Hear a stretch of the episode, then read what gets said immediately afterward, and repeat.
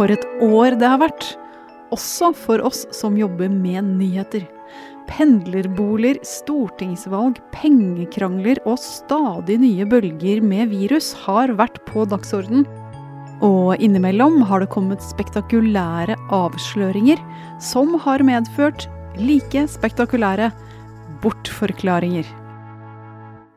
Jeg heter Marte Spurkland. Det er tirsdag 21. desember, og vanligvis så prøver jo vi i denne podkasten å finne gode forklaringer på alt som skjer i nyhetsbildet. Men i denne siste episoden vår før jul får du ikke vanlig forklart. Nei da, i dag hører du på Bortforklart.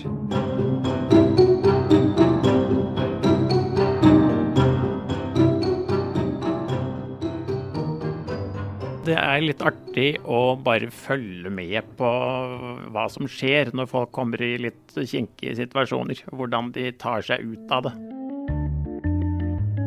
Hvert år, når det nærmer seg slutten av det, presenterer Aftenposten-kommentator Halvor Heggetun årets beste bortforklaringer i A-magasinet. Lista hans for 2021 er den 14. han lager. Og Halvor, det året vi har bak oss nå, har det vært et godt år for bortforklaringer? Det har vært et år som er litt over middels. Det har vært et veldig begivenhetsrikt år, og veldig mye rart å prøve å rydde opp i. Og de som da blir valgt ut av deg, skal de føle på skyld og skam og liksom nedtur over å havne i spalten din? Tvert imot, for det krever vidd å komme med en god bortforklaring. Det krever fintfølelse. Man skal ha, virkelig ha en touch for å få det til på en god måte, så man skal heller føle stolthet, syns jeg, over å få være med i denne spalten. For tenk bare på dette. Bortforklaringer, det holder vi på med helt fra vi lærer å snakke. Det var ikke min skyld, sier femåringen, selv om alle så at det var femåringen som knuste den vannmuggen. Etter hvert som vi vokser opp, går vi bort fra ren løgn og blir litt mer avanserte og snedige når vi bortforklarer dumme ting som har skjedd. Noen av oss blir rene mestere. Og Halvor, mesterlige bortforklaringer, de fortjener å feires, eller? Ja, det syns jeg, og da begynner man for alvor å manøvrere litt da i det vanskelige farvannet mellom en beklagelse, en nesten-beklagelse og en uh, ikke-beklagelse. Beklagelser og bortforklaringer har jo uh, noe med hverandre å gjøre ofte. Og den gleden over de gode variantene, den deler jo vi i Forklart med deg, Halvor. Så vi starter med en bortforklaring som er fersk og enkel og grei. Vi skal til en fotballstadion i Sandefjord for ganske nøyaktig én måned siden. Hva skjedde? Ja, det har jo gått verre med Brann siden med nedrykk, men der nede var det altså en kamp hvor de var så frustrerte over kampens gang. Det har vært en veldig tung høst for Brann på alle måter. Og så var det da en supporter da på tribunen i Sandefjord som rett og slett begynte å tisse fra tribuneplass, og traff da en fotograf fra NTB som da ikke syntes det var morsomt på noen måte. Ja, vet vi om, Ble det siktet på fotografen med vilje, eller vet vi noe om omstendighetene? Nei, her var det jo da litt kritisk journalistikk fra Bergens Tidende etterpå som gikk på lederen av Branns supporterklubb. Som da ikke på noen måte kunne forsvare dette, men han da sa at etter det han hadde fått rede på, så var det ikke meningen å treffe denne fotografen. Det holder ikke som bortforklaring. Her hadde det vært lurere å legge seg helt flatt og si at dette var ikke bra. Ok, Så det å si 'jeg mente det ikke', det holder ikke? Nei, jeg syns ikke at det holdt der. Så bare å si 'jeg mente det ikke' eller 'det var ikke meningen', det er ikke godt nok. Supportertissing er en av de få nyhetene på lista som ikke har noe med covid å gjøre. For pandemien har konsekvenser som inviterer til bortforklaringer. Som f.eks. når det gjelder kompensasjonsordninger. Altså pengesummer som skal hindre at selskaper som rammes, går under. Men da vekker det reaksjoner dersom de samme selskapene bruker penger på mer overraskende måter. Norwegian hadde jo store problemer. Det var et digert norsk flyselskap som da kunne gå i over ende, og staten bidro med milliardbeløp for å redde det hele fra konkurs. Midt i dette kom da meldingen om at finansdirektøren og konsernsjefen hadde fått bonus eh, på 11 millioner kroner hver. Og det slo veldig dårlig an ute hos publikum og hos uh, statsråder med en næringsminister som da sa at dette var umusikalsk og veldig uheldig. Ja, og da kom det jo en uttalelse fra Norwegians styreleder som sa at det var viktig å gi lederne noe som han kalte retention bonus. Engelsk er fint å gripe til hvis man da må forklare litt innimellom. Retention betyr bevaring, og her var det da om å gjøre å ta vare på sjefer i Norwegian med bonuser. Det var ikke i flukt med stemningen i folket på den tiden, og det var en håpløs ting, men styrelederen, eh, Nils Medegård, han da forklarte dette med at de måtte tas vare på. Litt overraskende siden konsernsjefen jo måtte gå nokså kort tid etterpå. Og så sa han at dette ikke egentlig da var styrets avgjørelse, men det var generalforsamlingen som hadde vedtatt dette. Det er jo riktig eh, formelt sett, men her ligger det nokså tunge føringer på styret som har foreslått det. En klassisk 'det var egentlig ikke meg, det var egentlig noen andre' bortforklaring der altså. Eh, og hvordan fungerte den? fungerte dårlig, og det bar det også preg av da det kom inn en ny styreleder, Øygard, som sa at vårt styre ville ikke ha ønsket seg at det ble gjort på denne måten. Og vi prøvde å snakke det litt ned, men eh, det gikk ikke. Det Norwegians bortforklaring handler om, dypest sett, er rettferdighet. Hvem trenger mest å bli passet på når hele landet sliter? Rettferdighet og urettferdighet har i det hele tatt preget nyhetsbildet i 2021.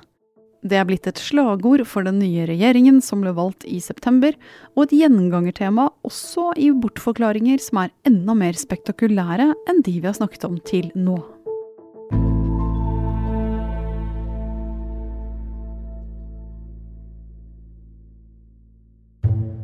Halvor, da skal vi til et bursdagsselskap, kanskje årets mest omtalte.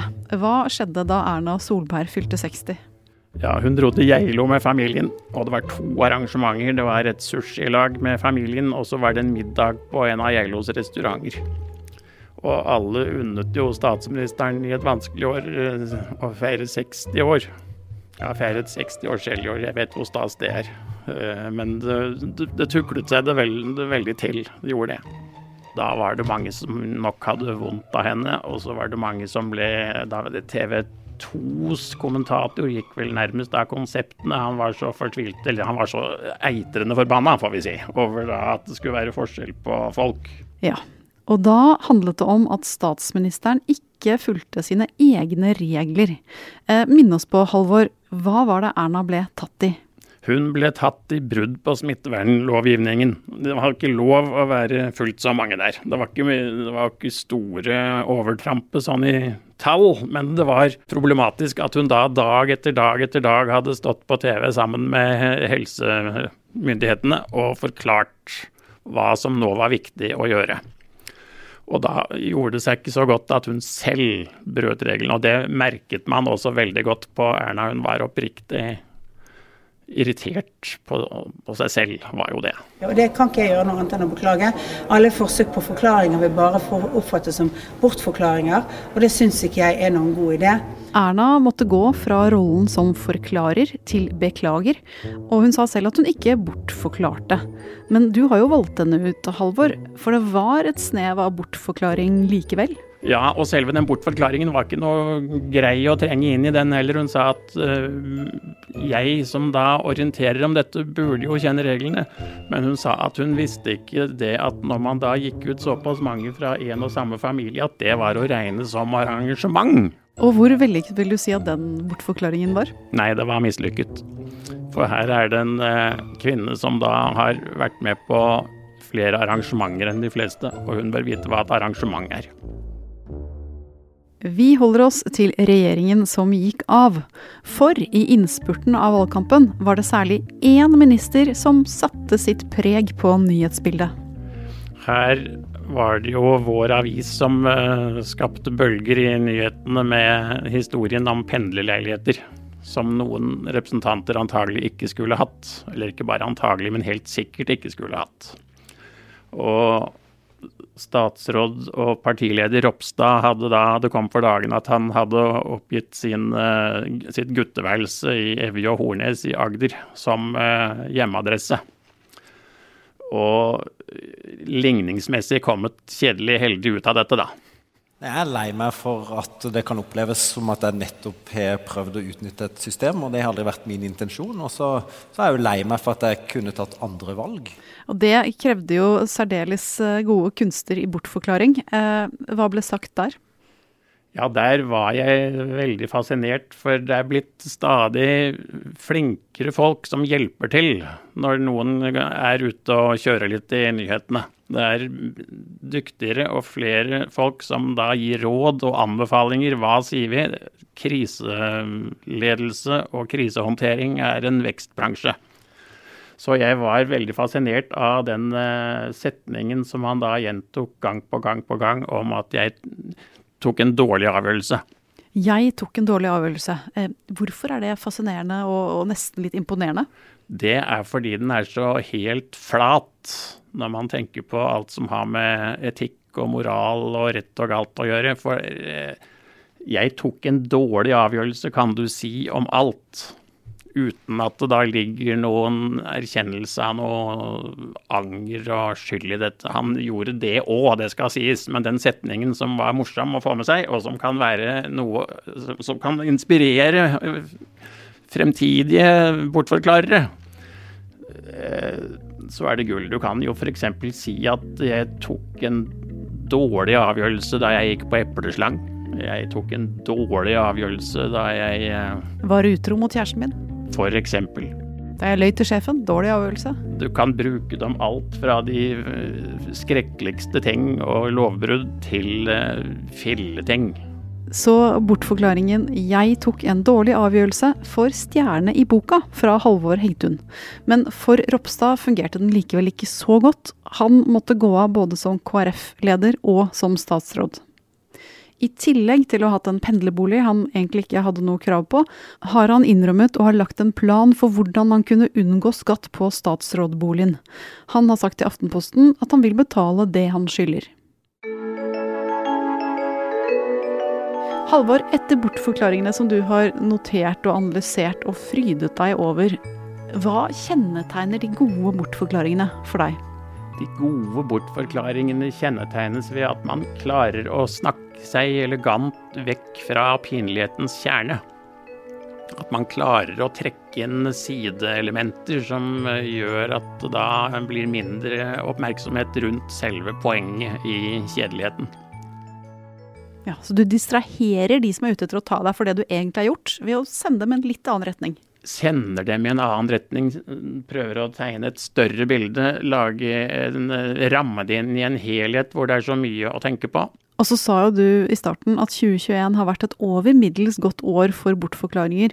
Men tidenes beste bortforklaring, den står ikke på årets liste. Jeg har lurt litt på hvilke perler vi har fra historien. Hvilke bortforklaringer er de aller beste? Og jeg har egentlig kommet til at helt oppe i eliteklassen så ligger en anekdote som den tidligere Senterpartilederen og statsråden Johan J. Jacobsen kom med i en liten bok med anekdoter. Han skrev da om en uh, flyktning som hadde reist fra Trøndelag til Sverige under krigen, og så kom han tilbake til uh, gården sin uh, i maidagene 1945. Og kommer da inn på tunet og inn og skal låse seg inn hjemme på gården, og så tar han da naboen sin på fersken. Naboen er på vei opp kjellertrappen hans med armene fulle av tjuvgods. Han hadde rappa en rock og mange gamle bondegjenstander og fine ting, og så står de der, og noe måtte sies. Og det var vår, og det var fred i Norge, og så sier kjeltringen ja, det er ei underlig tid. ja, nettopp. Og det er toppklasse av bortforklaringer? Jeg syns det er helt der oppe. Hvorfor det? For da har man snakket seg bort fra tyveriet, og så har man satt det hele inn i en stor sammenheng om Norge og Europa og verden og krig og fred, hvor man da inviteres til å se veldig stort på det. Hva er en knabbet rock mot det faktum at det er blitt fred i Norge? Halvor, hva kan vi lære av alt dette her? At man ikke må bli fortvilet hvis man da roter det til og må snakkes ut av noe, for det finnes muligheter. Det finnes gode muligheter på vei ut. Verden er vi, og jeg tok en dårlig avgjørelse. Og i dag snur solen.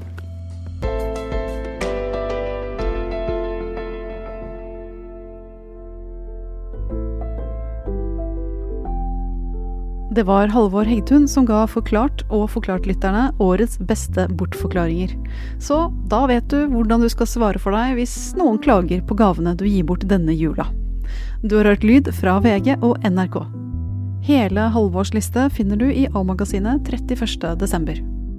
Produsent Fride Næss Nostad og jeg, Marte Spurkland, ønsker og det samme gjør resten av Forklart. Thea Wold Lyster, Synne Søhol, Anne Lindholm, David Vekoni og Anders Weberg.